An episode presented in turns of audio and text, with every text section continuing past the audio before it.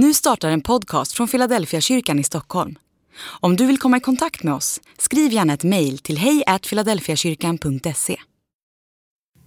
Dag 238 Honungsfällan Sådden bland tistlarna det är den som hör ordet, men världsliga bekymmer och rikedomens lockelser kväver ordet, så att han inte bär frukt. Matteus kapitel 13 och vers 22. Om bekymmer är negativt laddat så är lockelser mer positivt. Bekymmer trycker oss, lockelser attraherar oss. Det som lockar oss är sånt som utövar en stark dragning på vårt inre och fyller oss med en förhoppning om att vi kan få frid och välbefinnande, bara vi får tag i det. Samtidigt har ordet lockelse en negativ underton.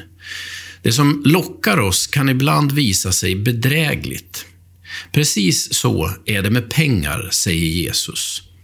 Få saker har så stor inverkan på människor som pengar.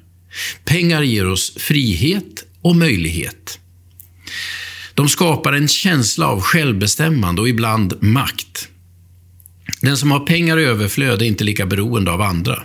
Inte minst i vår tid är pengar mycket centralt. De är både bränslet och smörjmedlet i vårt samhälle. Det är nästan som om allt kan räknas om till kontanter i vår tid.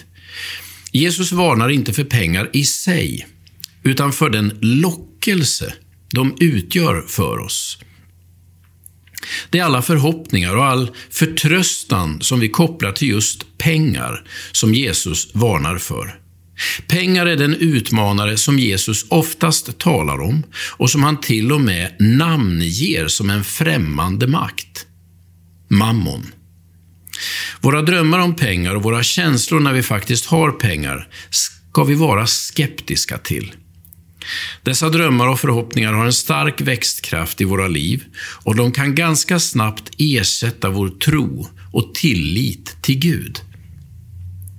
Problemet är att pengar inte leder till skörd och i tidens längd blir de inte till bröd.